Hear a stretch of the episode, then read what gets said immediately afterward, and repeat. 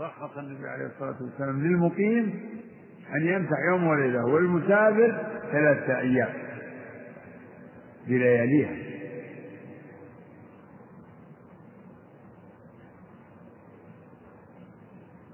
وعندكم في الشعب كلام طويل عن عن القراءة.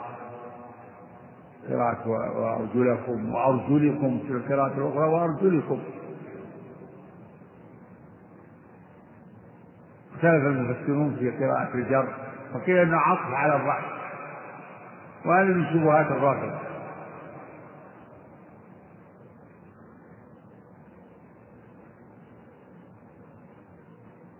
والقائلون يعني وهم جمهور الأمة القائلون بغسل الرجلين قالوا إن وأرجلكم إن هذا من قبيل عطف المجاورة.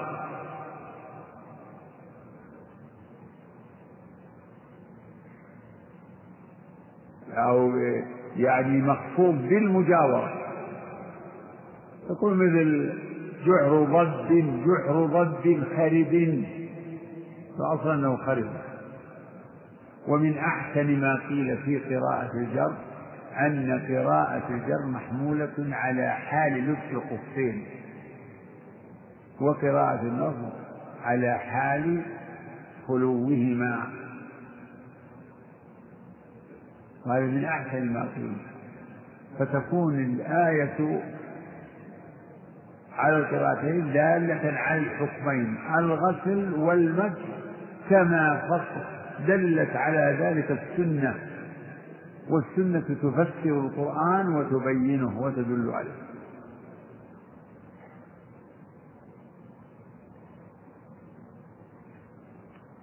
وكما تقدم إن بعض هذه المسائل هي من المسائل الفقهية العملية. لكن لما كان لما لم يخالف فيها إلا المبتدعة نص عليها فهي من من مما يتميز به أهل السنة من المبتدعة. نعم.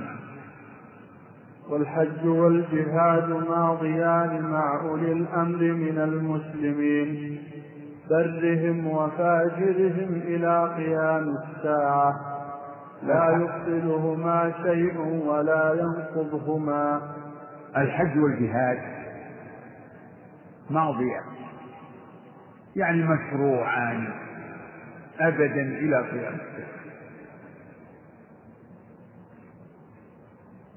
الحج مشروع منذ فرضه الله إلى قيام الساعة والجهاد مشروع إلى قيام الساعة.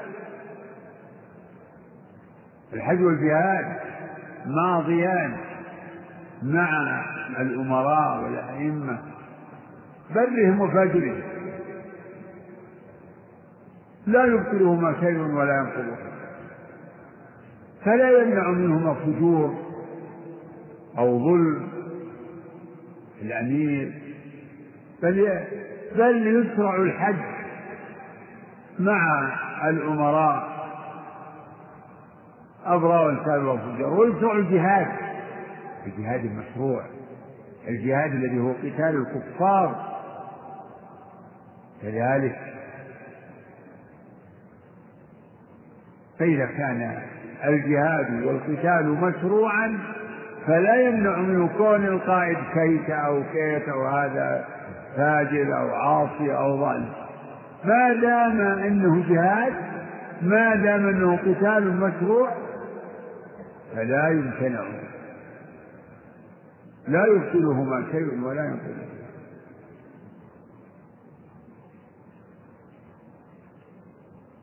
وذكر الحج لأن الحج ولا سيما قديما يحتاج فيه إلى يعني تنظيم آه، قوافل تنظيم قوافل وتعيين أمراء وتجد يعني من من من مثلا من عاصمة من عاصمة الدولة الإسلامية يسير الحاج ويعين عليهم أمير أمير الحج. فتصير قافلة الحج يعني مثل مثل الجيش خلق كثير فيحتاجون إلى يعني أمور سياسية يحتاجون إلى قيادة تدبر أمر السير وترتب الحراسات وترتب يعني أمور لأنه لأنهم يحتاجون إلى هذا كثيرا. يحتاجون إلى ترتيب أمور واحتياطات احتياطات أمنية واحتياطات آه، لما يحتاجون إليه لما يحتاجون إليه من الأغذية وما يحتاجون إليه من علف الدواب. فلهذا ذكر العلماء الجهاد مع الحج.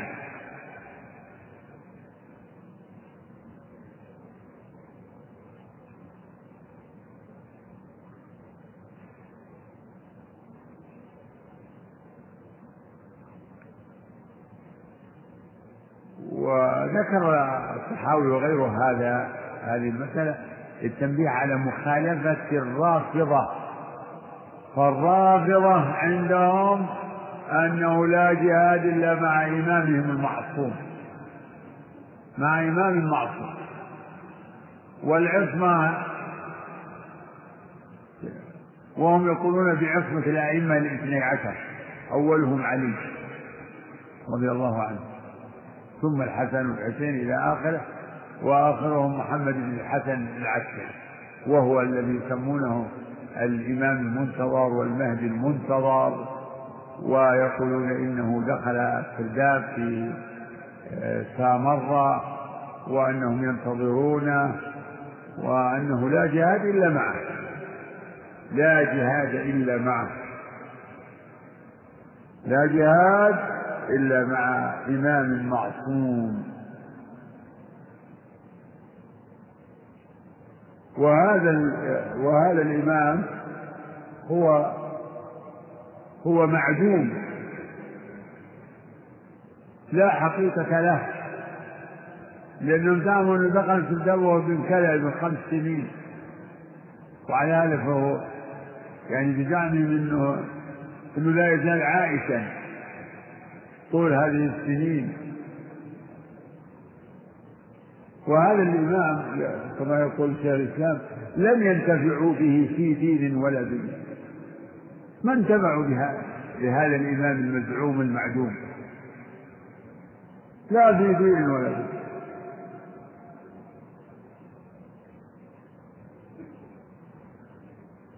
فنص على هذه المسألة للتنبيه على بطلان مذهب الرافضة.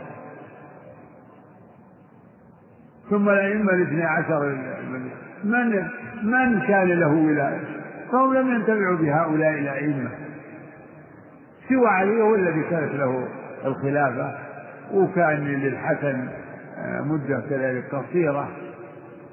أما بقية آه، الأئمة الذين يدعون لهم العصمة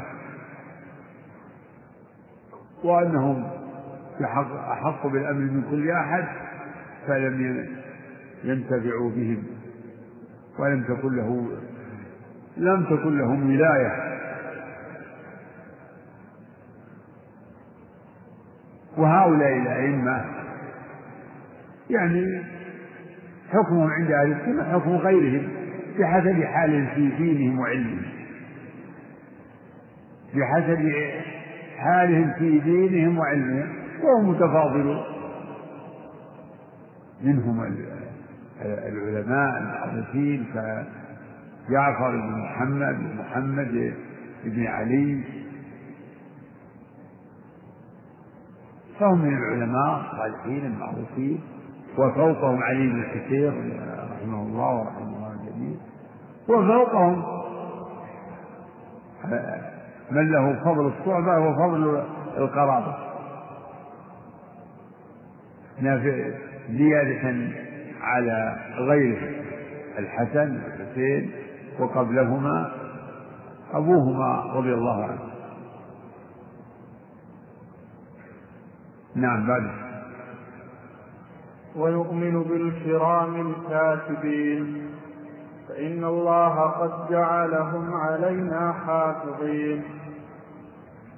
كذلك نؤمن بالكرام الكاتبين يعني بالملائكة الموكلين بحفظ أعمال العباد وكتابتها كما قال تعالى وإن عليكم لحافظين كراما كاتبين.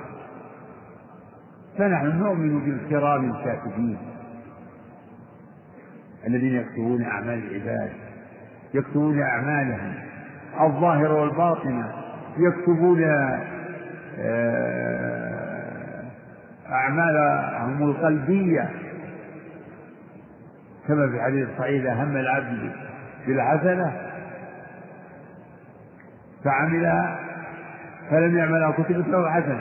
فإن عملها كتبت له عشر حسنات إلى سبعمائة ضعف. إلى أضعاف كثيرة. وإنما بسيئة فلم يعملها كتبت له حسنة. فإن عملها كتبت عليه سيئة واحدة.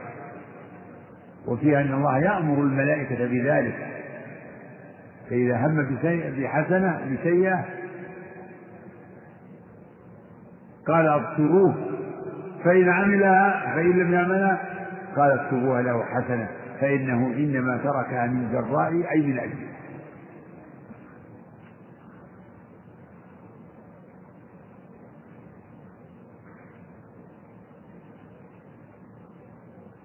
وقد دلت السنة دل القرآن ودلت السنة على كتابة أعمال العباد. ومن أدلة ذلك قوله تعالى وإن عليه قوله تعالى عن اليمين وعن الشمال قعيد ما يلفظ من قول إلا لديه رقيب عتيد.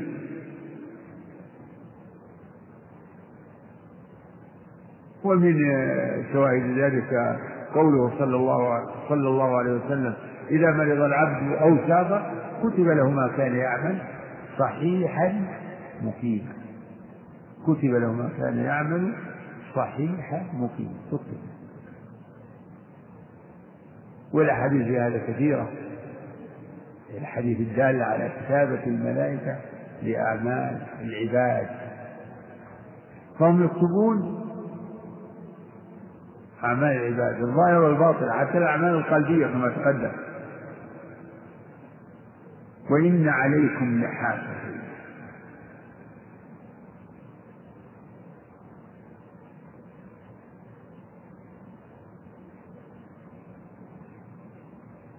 كراما هؤلاء كرام فهم حقيقون بالتكريم كاتبين يعلمون. الله سبحانه وتعالى أقدرهم على العلم بأحوال العبد. فهم يكتبون أعماله حتى الأعمال القلبية فضلا عن الأعمال الظاهرة وأقوال اللسان.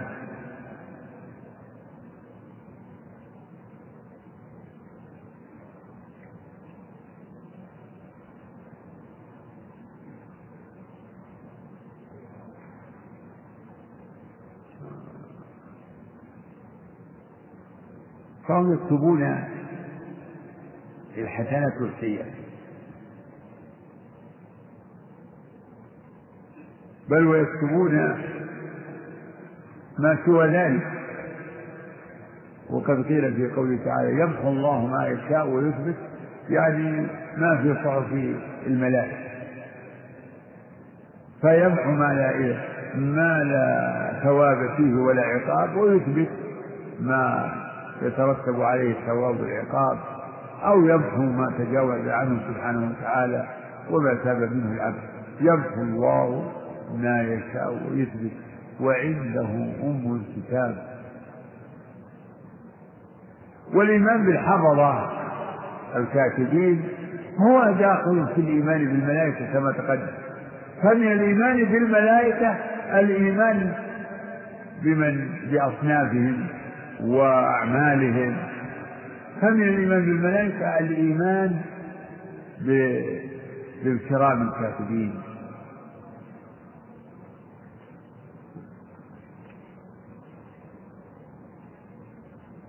نعم. ونؤمن اقرأ ونؤمن بالكرام. ونؤمن بالكرام الكاتبين. فإن نعم. الله قد جعلهم علينا حافظين. نعم. ونؤمن بملك الموت الموكل بقبض أرواح العالمين. كذلك من الإيمان بالملائكة. من الإيمان بالملائكة الملائكة بملك الموت. وبالملائكة معه. ملك الموت معه ملائكة. ملائكة الرحمة وملائكة العذاب. فنؤمن بملك الموت. وقد قال سبحانه وتعالى قل يتوفاكم ملك الموت الذي وكل بكم لهذا يقول الطعاوي ونؤمن بملك الموت الموكل بقبض أرواح العالم. فذكر الله ذلك في آيات قال سبحانه وتعالى ولو ترى إذ الظالمون في غمرات الموت والملائكة باسطوا أيديهم أخرجوا أنفسكم اليوم تجزون عذاب الجنة قال سبحانه وتعالى ولو ترى إذ الظالمون وقال سبحانه وتعالى ولو ترى إذ يتوفى إذ يتوفى الذين كفروا الملائكة يضربون وجوههم وأدبارهم.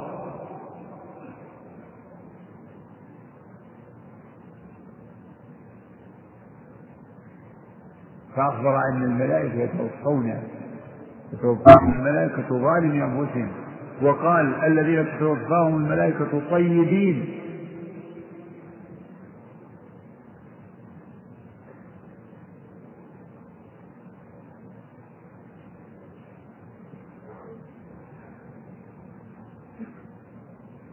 فمن الإيمان بالملائكة الملائكة بملك الإيمان بملك الموت وبمن معه من ملائكة الرحمة وملائكة العذاب. وكما دل القرآن على ذلك دلت السنة على على ذلك كما في حديث البراء بن عازب الحديث الطويل الذي رواه رواه الأئمة في السنن في المسانيد وفيه صفة قبض روح المؤمن وصفة قبض الكافر. وأن المؤمن إذا كان في إقبال من الآخرة وإدبار من الدنيا أتاه ملائكة.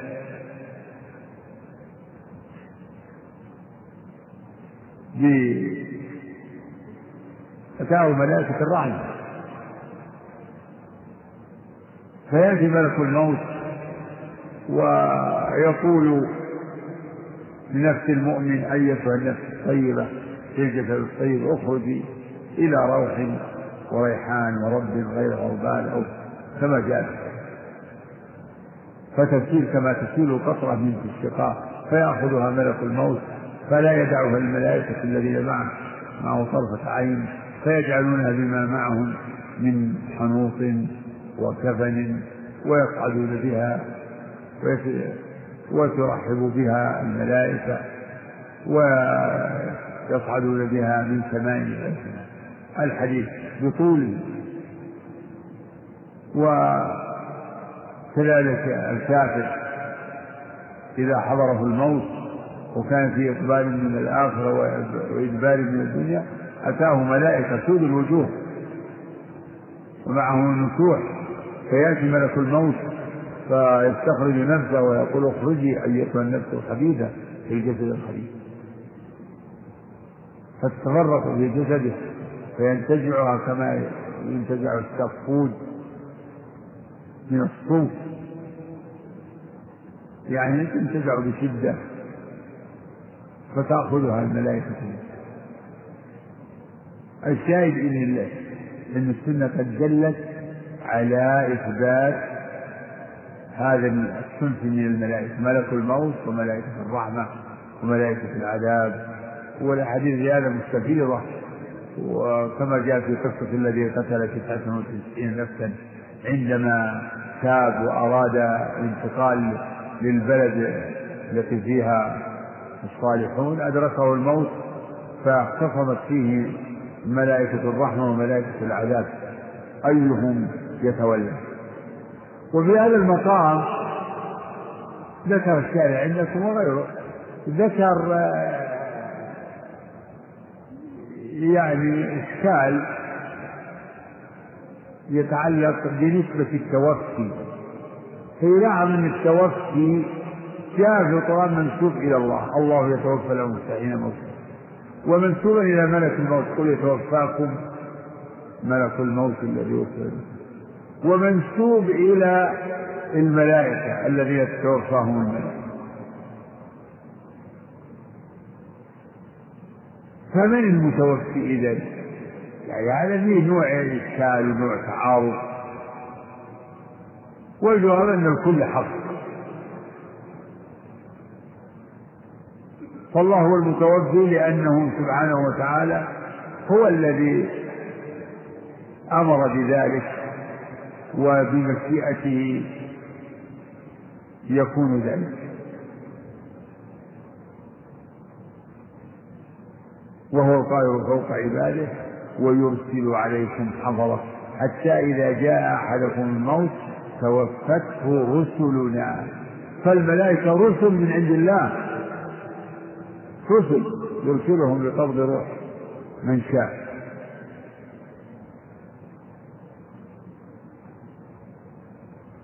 وأضيف التوفي إلى ملك الموت لأنه الذي يتولى قبض النفس وأخذها أول ما تخرج من جسد وأضيف إلى الملائكة باعتبار أنهم يقبضونها ويتولونها. بعد فكل من هذه الأمور حق. فنسب التوفي إلى كل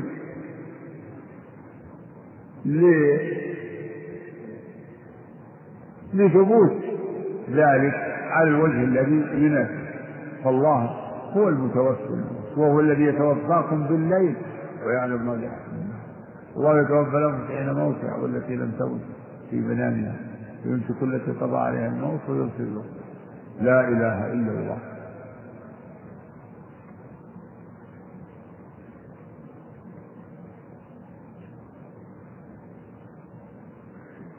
وإنها لآية عظيمة أن أن الذي يتوفى هذه الأنفس العظيمة التي تموت في اللحظة الواحدة يتوفاها ويتولاها ملك واحد. هذا هذا يفيدنا أن أمر الغيب لا تحيط به العقول البشرية وأن أمر الغيب لا يقاس على المحسوس. ما ينفع تقيس الغائب على الشاهد.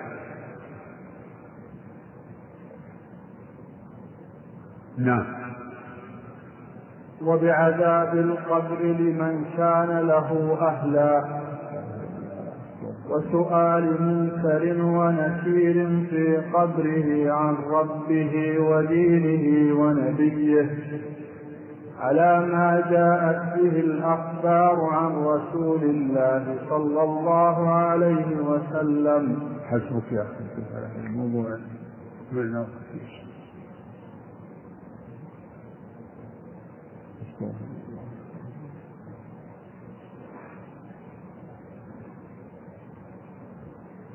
نعم يا عندك؟ أقول يا حسب أقول موضوع يجي له وقت أكثر. لا إله إلا الله وحده لا شريك نعم. هذا سائل يقول أنا رجل صليت صلاة الفجر هذا اليوم إماما لعدم حضور الإمام. وقبيل إقامة الصلاة حصل لي شيء في وضوئي فأقيمت الصلاة فتوكلت على الله وصليت. إيش حصل لي؟ إيش؟ شيء شك في وضوئي.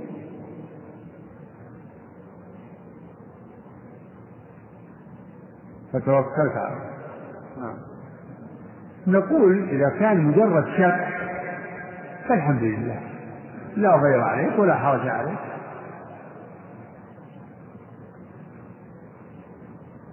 أما إذا كان الحامل لك على أنك تصلي هو مجرد يعني الموقف واستصعاب أنك آه، آه، تخرج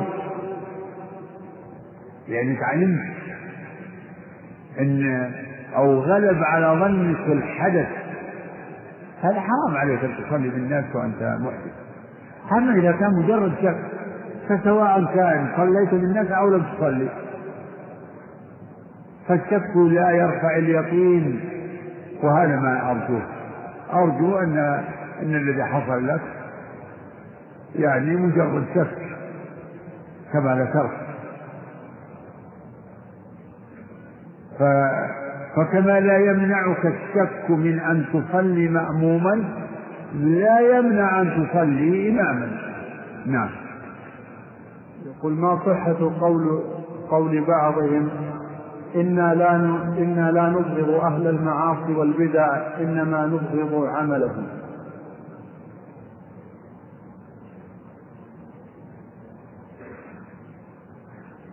لا.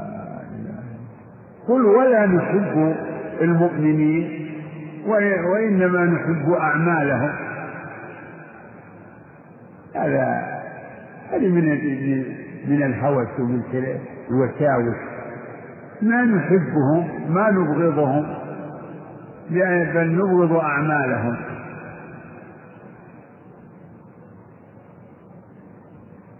الله يمقت الكافرين ما قال يمقت أعمالهم يبغضهم. فهل تقول إني لا أبغض الكفار؟ لا إله إلا الله كتاب عجيب والله. أنا لا أبغض الكفار أبغض أعمالهم. وإلا فهم وإلا فهم أحبابنا.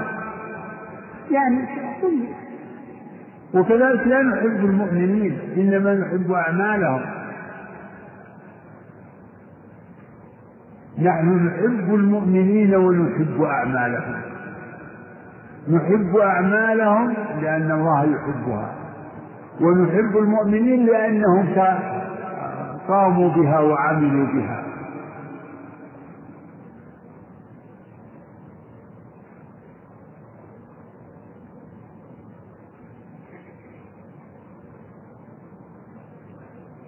يعني كان هذا كله نابع من من من من المصانعة مصانعة العصاة ما نبغضهم. يعني في نوع من المجاملة في نوع من الاحتراز. يعني إحنا ما نبغضكم إحنا نبغضكم لمعاصيكم آه. سبحان الله.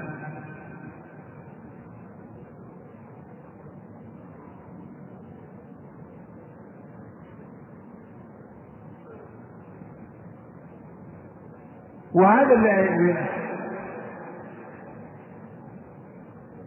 يعني قريبك أو أبوك تحب أنت تحب الأبوة ولا تحب أباك؟ تقول أنا أنا أحب الأبوة والعطف والقراء وكذا. أحب العطف والأبوة والحنان. ولا أحب أباك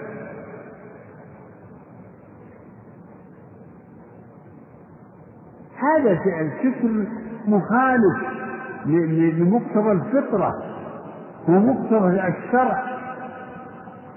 بل يحب المؤمنين بإيمانهم وطاعتهم لله ولأن الله يحبهم ونبغض الكافرين والفاسقين لكفرهم ومعاصيهم ولأن الله يبغضهم على ما تقدم. نعم.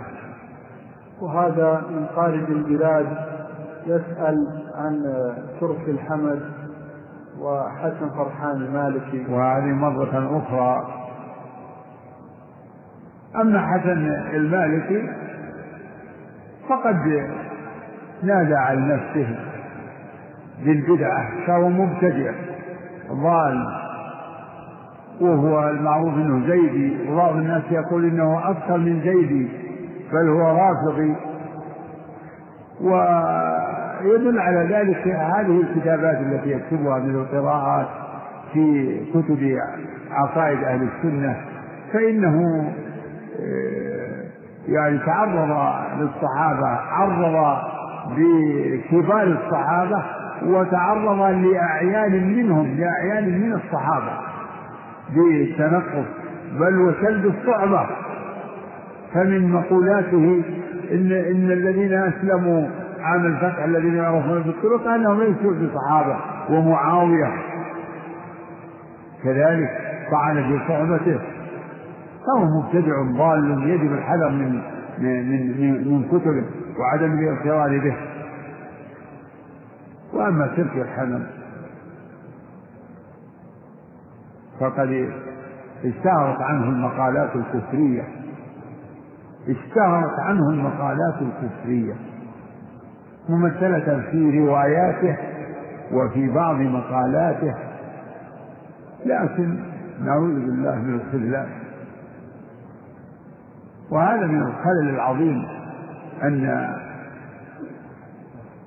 ترك يعني من من من الأمور والعظائم ترك أهل الباطل يتفوهون بباطلهم ويشرعون دون أن يضرب على على عليهم بيد وما يقال بيد من حديد شرهم وإقامة حكم الله فيهم.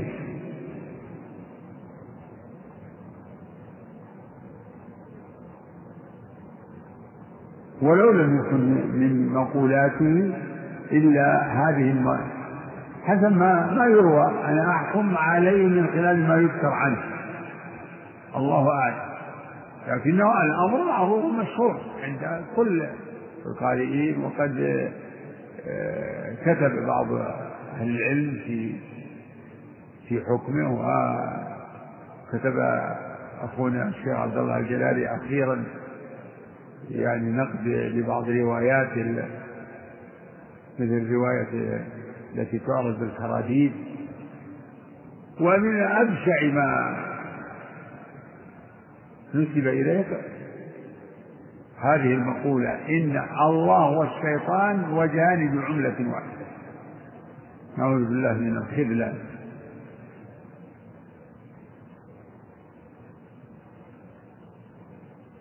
نعم. أسئلة كثيرة تسأل عن موقف طلبة العلم تجاه إخوان المسلمين والمجاهدين والأسرى. ما في فاتقوا الله ما استطعتم. اتقوا الله ما استطعتم. وأن الواجب على المسلمين أن يقوموا بما يستطيعون من من من مما يعين إخوانهم المجاهدين ومما ينفع الأسرى. ومن أجمع ذلك وأيسره من أجمعه وأيسره الدعاء له من أنفع ما يكون وأيسره. أمر عظيم النفع وهو ميسور وهو الدعاء له. في كل الأوقات في السجود في آخر الليل في سائر الأحوال يكون الإنسان يحمل هم إخوانه المسلمين ويشاركهم آلامهم مثل المؤمنين في توادهم وتراحمهم وتعاطفهم. كالجسد الواحد. وهؤلاء حق من غيرهم بالعطف والمودة والرحمة والعناية والهم. نعم. وهذا يسأل عن دعاء الإمام في خطبة الجمعة لولي الأمر. هل ورد دليل على ذلك؟ جائز الأمر جائز. أقول جائز إن شاء الله. والدعاء لولي الأمر بالتوفيق والصلاح فيه خير كثير إن شاء الله. نرجو. فيه خير. يعني لا يفعل تزلفا وتقربا بل يفعل نصيحة ومحبة. ف... فولي الأمر من أحق الناس بالنصيحة والدعاء فإن بصلاحه يحصل الخير الكثير. سبحان الله. نعم. قل هل من أبغض بعض الملائكة يكفر كملك الموت مثلا؟ إيه؟ من أبغض بعض الملائكة أعوذ أعوذ بالله وش كملك الموت مثلا؟ لا ما هو أرجو هذا يعني سوء تعبير ما أدري.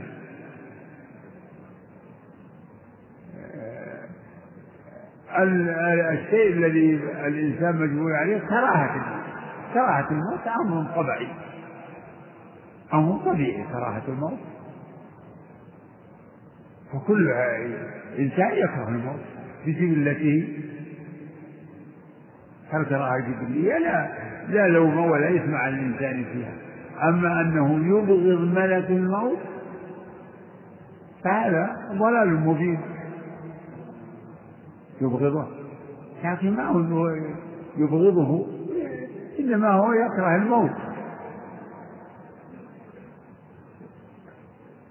هذا شأن المؤمن بالله وملائكته. المؤمن بالله وملائكته لا يبغض أحدا منهم بل يحب ملائكة الله لأنهم عباد مكرمون مطيعون لا يسبقونه بالقول وهم بأمره يعملون لا يعصون الله ما أمرهم ويفعلون ما يؤمرون فكل الملائكة صالحة. وملك الموت لا يظلم أحد. إنما إنما يفعل وينفذ ما أمر به. نعم. هل يجوز دفع كفارة اليمين نقودا للمجاهدين في سبيل الله؟ لا. كفارة لابد إطعام للمساكين لعشرة مساكين. نعم.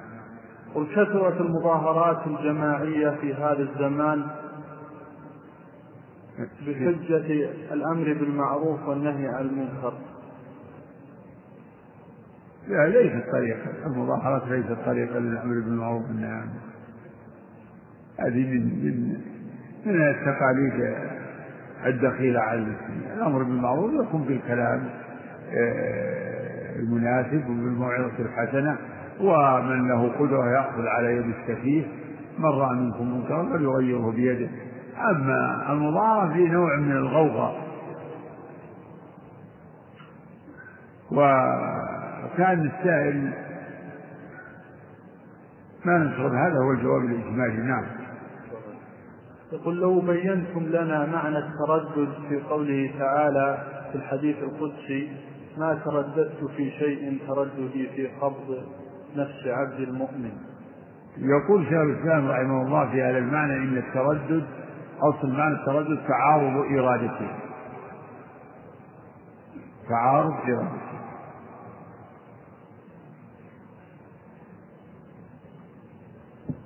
فالتردد من الله تعارض ارادتين وهذا نفسه موجود تفسيره في نفس الحديث.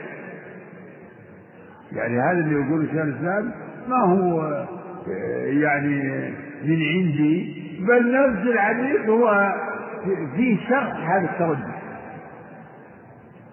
يكره الموت وأكره مساءته ولا بد له منه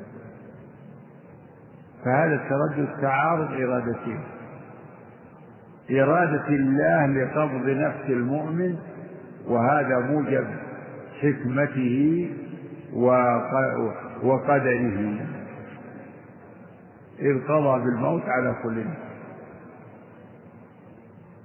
والأمر الثاني ترى آه، كراهته سبحانه لما, لما يسوء المؤمن. إذا الله تعالى يريد قبض روح المؤمن وفي وفي نفس الوقت الله يكره ذلك من من أجل أنه يسوء المؤمن يكره الموت المؤمن يكره الموت بطبعه والله يكره ما ما يسوء عبده المؤمن. ولكن الحكمة تقتضي ما جرى به القدر. فهذا التردد تعارض إرادتين مع كمال العلم بموجب الحكمة وكمال العلم بما يصير إليه وينتهي إليه الأمر. أما التردد تردد المخلوق فهو تعارض إرادتين. تردد المختص بالمخلوق تعارض إرادتين منشأهما الجهل بخير الأمرين. مع الجهل بما ينتهي إليه الأمر. هذا كله واقع. ما يدري الإنسان المتردد ما الذي جعله يتردد؟ تعارض عنده يسافر ولا ما يسافر؟ لا يدري أيهما خير. ولا يدري ما الذي ينتهي. هل ينتهي الأمر ويستقر على أن يسافر أو لا يسافر؟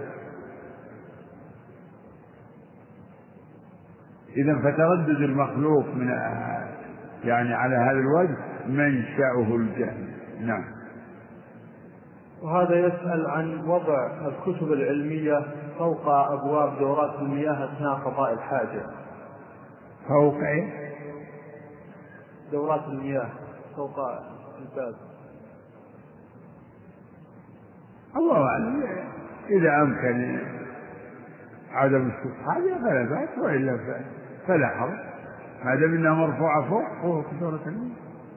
نعم بعد يقول هل السمع والطاعة لولاة الأمر تجري في من يعطلون شرع الله ويعذبون المسلمين ويبغضون الدين ويحاربون أهله.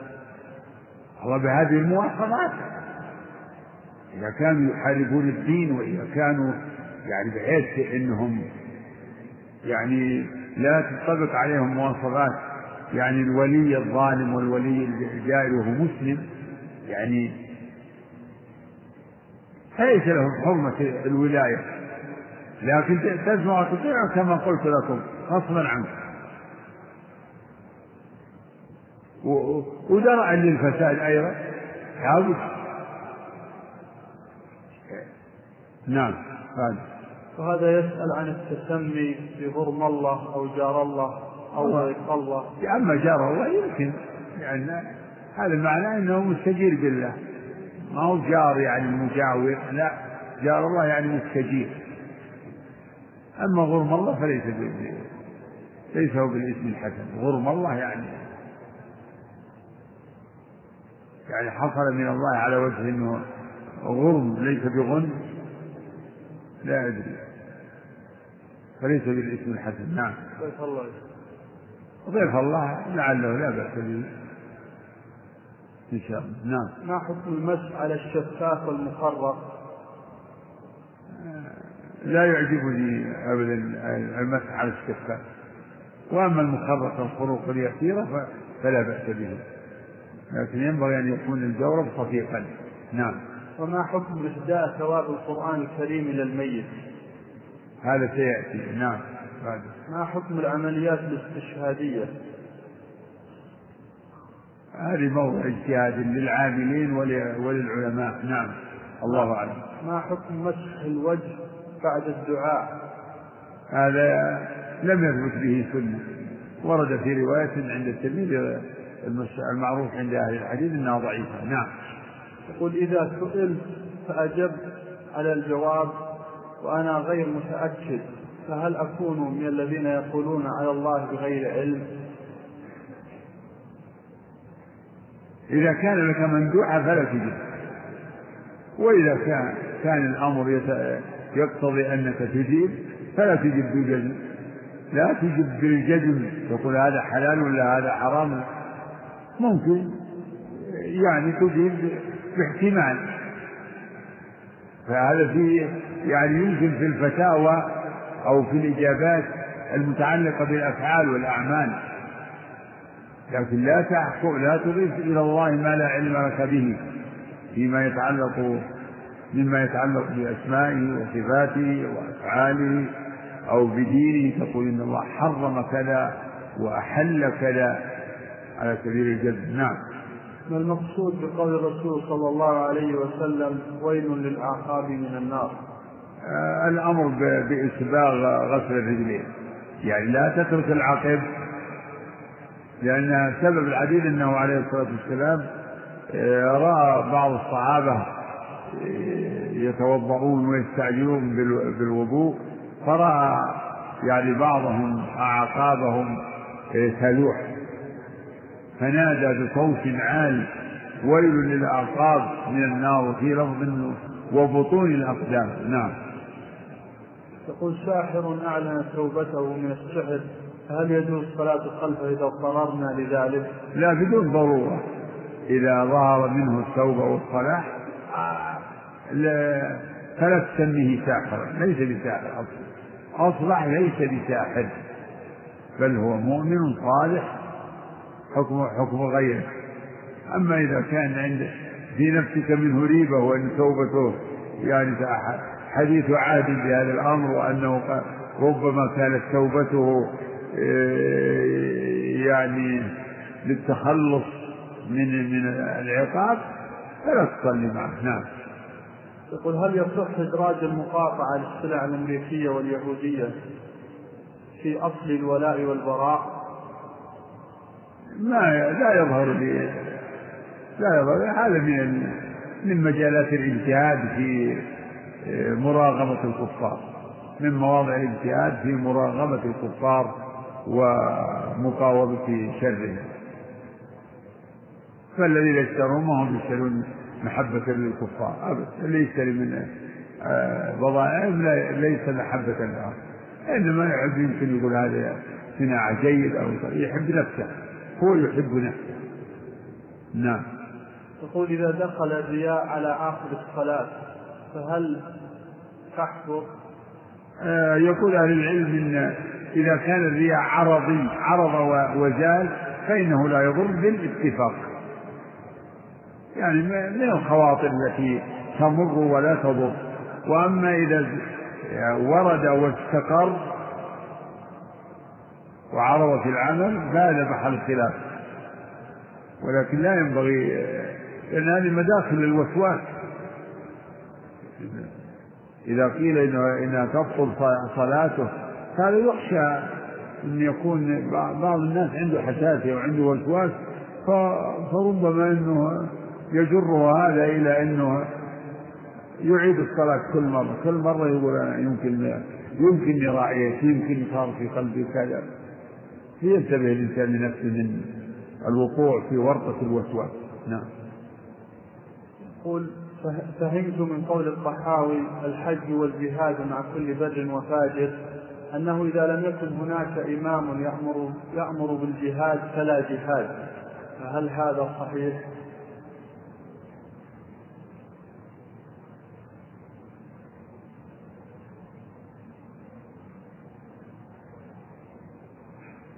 والله هذا هو الأصل. الأصل أن الجهاد يكون في قيادات وفي وينطلق من دولة. هذا هو الأصل. الجهاد ينطلق من من الدولة من دولة الإسلام. لكن يمكن جهاد الدفع. بابه أوسع. نعم. يقول قلتم في درس سابق أننا نعامل المنافقين أن نعامل الرافضة معاملة المنافقين. نعم. هل يجوز أن نصلي على من مات منهم؟ لا أصلي على من مات منهم. لأن بدعتهم شنعة ومشهور عنهم مشركين. وأنت وهذا نفسه معاملة المنافقين. من علمت نفاقه؟ تصلي عليه الله تعالى يقول للنبي ولا تصلي على أحد ولا تصلي على أحد منهم مات أبدا. نعم. وهل يرث الرجل من أهل السنة قريبه الرافضي؟ يروح للمحكمة. نعم. يقول هل تكفير المعين الذي يأتي بقول وعمل مناقض للإسلام بدون النظر إلى قامة الحجة واستيفاء الشروط والموانع؟ هذا لا بد من النظر في في استيفاء الشروط والموانع نعم. مذهب الخوارج؟ إيش؟ هل هو من مذهب الخوارج؟ ما أدري إيش يقول اعرف تكفير تكفير المعين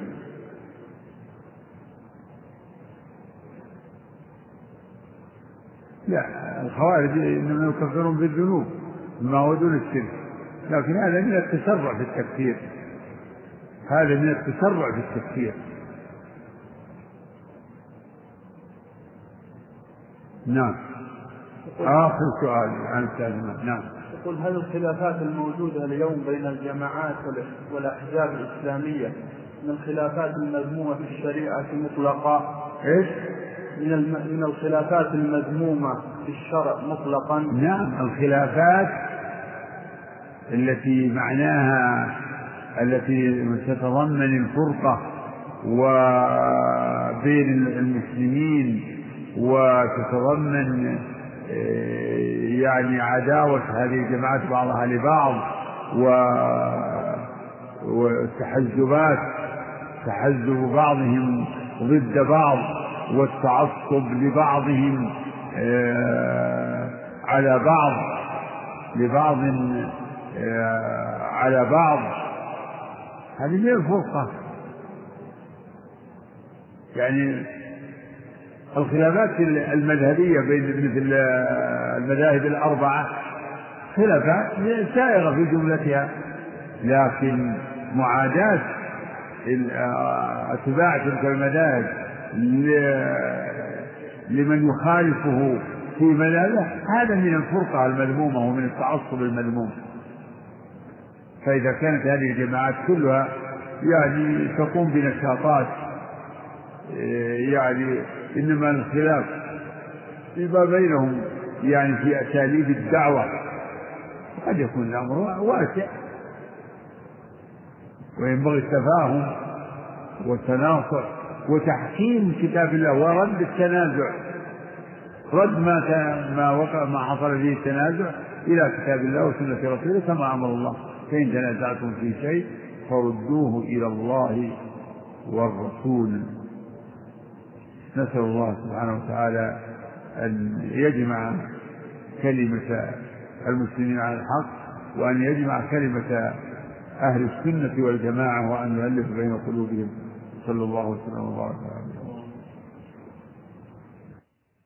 بسم الله الرحمن الرحيم.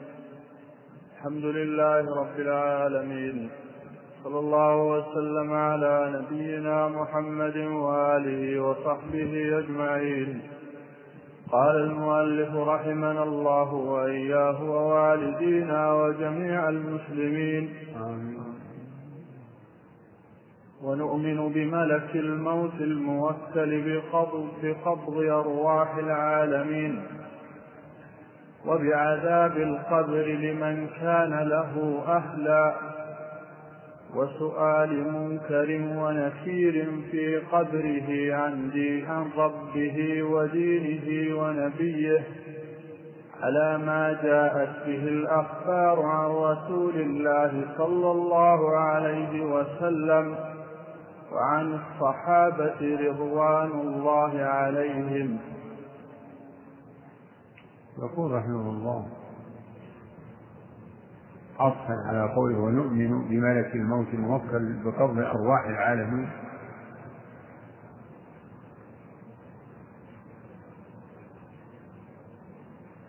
يمكن ما يتعلق بهذه الجملة الكلام في الروح.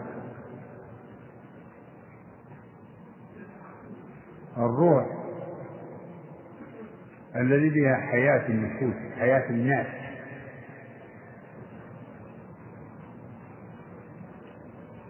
سم النفس.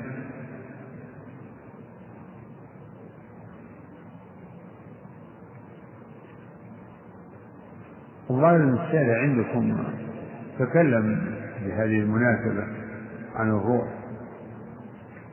والروح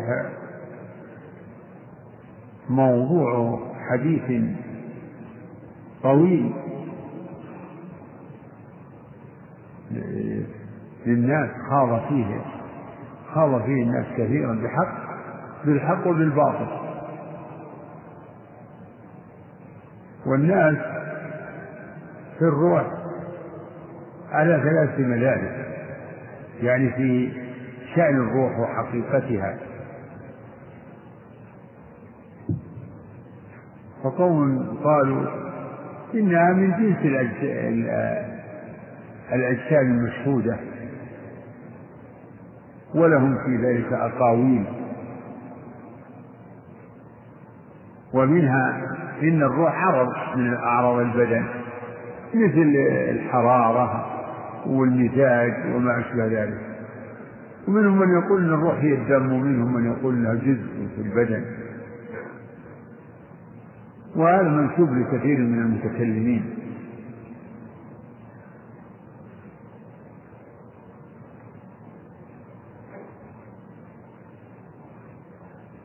ويقابلهم الفلاسفة فيقول إن الروح شيء لا تقوم به أي صفة. فالروح ليست داخل البدن ولا خارج البدن ولا داخل العالم ولا خارج العالم ولا جسم ولا عرض ولا تذهب ولا تجي ولا تصعد ولا تهبط وليس لها أي صفة يقول شيخ الإسلام رحمه الله في التدمرية يقول يصفونها يصفون الروح بما يصفون به واجب الوجود. وهي صفات تلحقها بالمعدوم والممتنع. صفات تلحقها بالمعدوم والممتنع. شيء شيء لا داخل العالم ولا خارجه ولا مباين ولا مداخل ولا جسم ولا عرض ولا تقوم به أي صفة هذا موجود. هذا معدوم بل هو وصفه وصفه بهذه الصفات المتناقضة آه، يصيرها مع من قبيل المعدوم. هذان قولان على طرفي نقيض وكل منهما باطل. والقول الوسط إن الروح شيء موجود حقيقة قائمة بنفسها. ما معنى إن الروح قائمة بنفسها؟ يعني أنها ليست كالعرض الذي لا يقوم إلا بغيره إلا بجسم قائمة بنفسها لها وجود مستقل عن البدن. لها وجود. يعني الروح تتوقف في وجودها على البدن؟ لا ذاك العرض. ولكنها تتصل بالبدن وتنفصل منه وتسري فيه. تسري فيه. سريان على وجه التقريب سريان النار في كذا في الفحم وسريان آه، الدهن في الزيتون وسريان الماء في العود. المهم لها خيان لها خيان يخصها.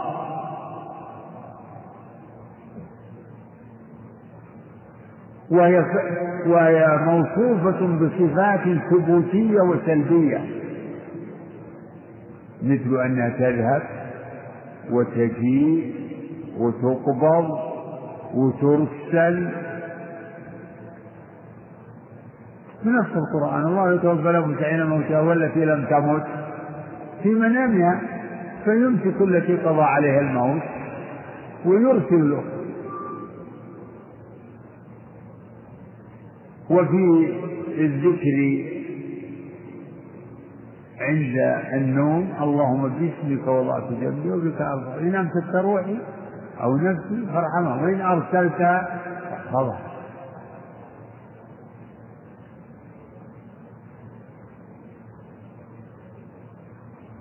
وهي مغايرة في حقيقتها للأجسام المشهودة. إذن هذا هو القول الوسط الذي دلت عليه النصوص نصوص الكتاب والسنة. هذا هو الذي عليه أهل السنة أن الروح شيء موجود متميز لها حقيقة وهي حقيقة قائمة بنفسها ومنصوبة بصفات ثبوتية وسلبية وهي مغيرة في ماهيتها وحقيقتها للأجسام المشهودة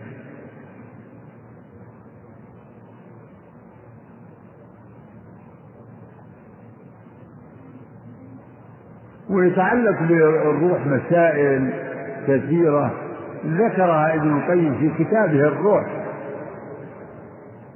ذكر أشياء كثيرة مسائل وفصل القول فيها ومنها الكلام في شأن الروح في في خلقها. فقد فقد قيل إنها قديمة. معنى قديمة أنه لا بداية لوجودها يعني ليست محدثة. وهذا باطل باطل بل هي محدثة ومخلوقة كسائر المخلوقات. فالإنسان مخلوق روحه وبدنه. الإنسان مخلوق روحه وبدنه.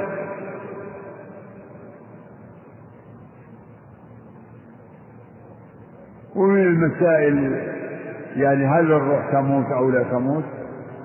فيه اختلاف. والذي رجعه ابن القيم وهو الصواب.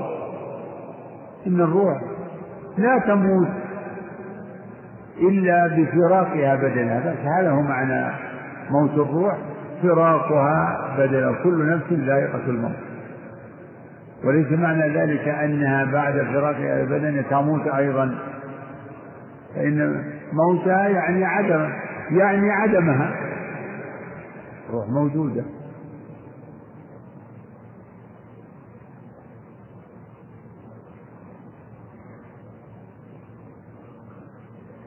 ومن المسائل التي طرقها ابن القيم كذلك في كتابه الفرق بين النفس والروح. وبين إن الروح تطلق على أشياء والنفس تطلق على أشياء فتتفقان في بعض المواضع. النفس تطلق على معاني متعددة والروح تطلق على معاني متعددة.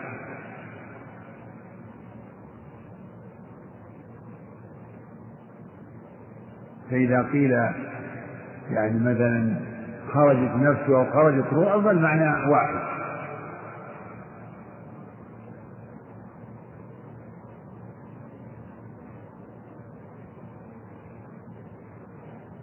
وهل الروح واحدة أو عدد؟ الصواب أنها واحدة لكن ذكرها في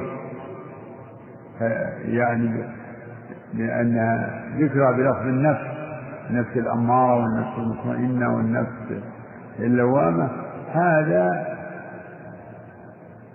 باعتبار صفاتها وإلا فهي نفس واحدة.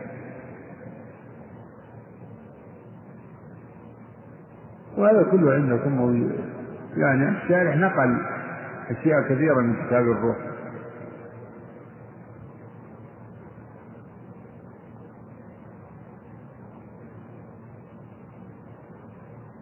وأنبه إلى أن من الناس من ينتقد البحث في الروح ويقول لما لما نخوض في الروح ونتكلم في الروح مع أن الله يقول ويسألونك عن الروح قل الروح من أمر ربك.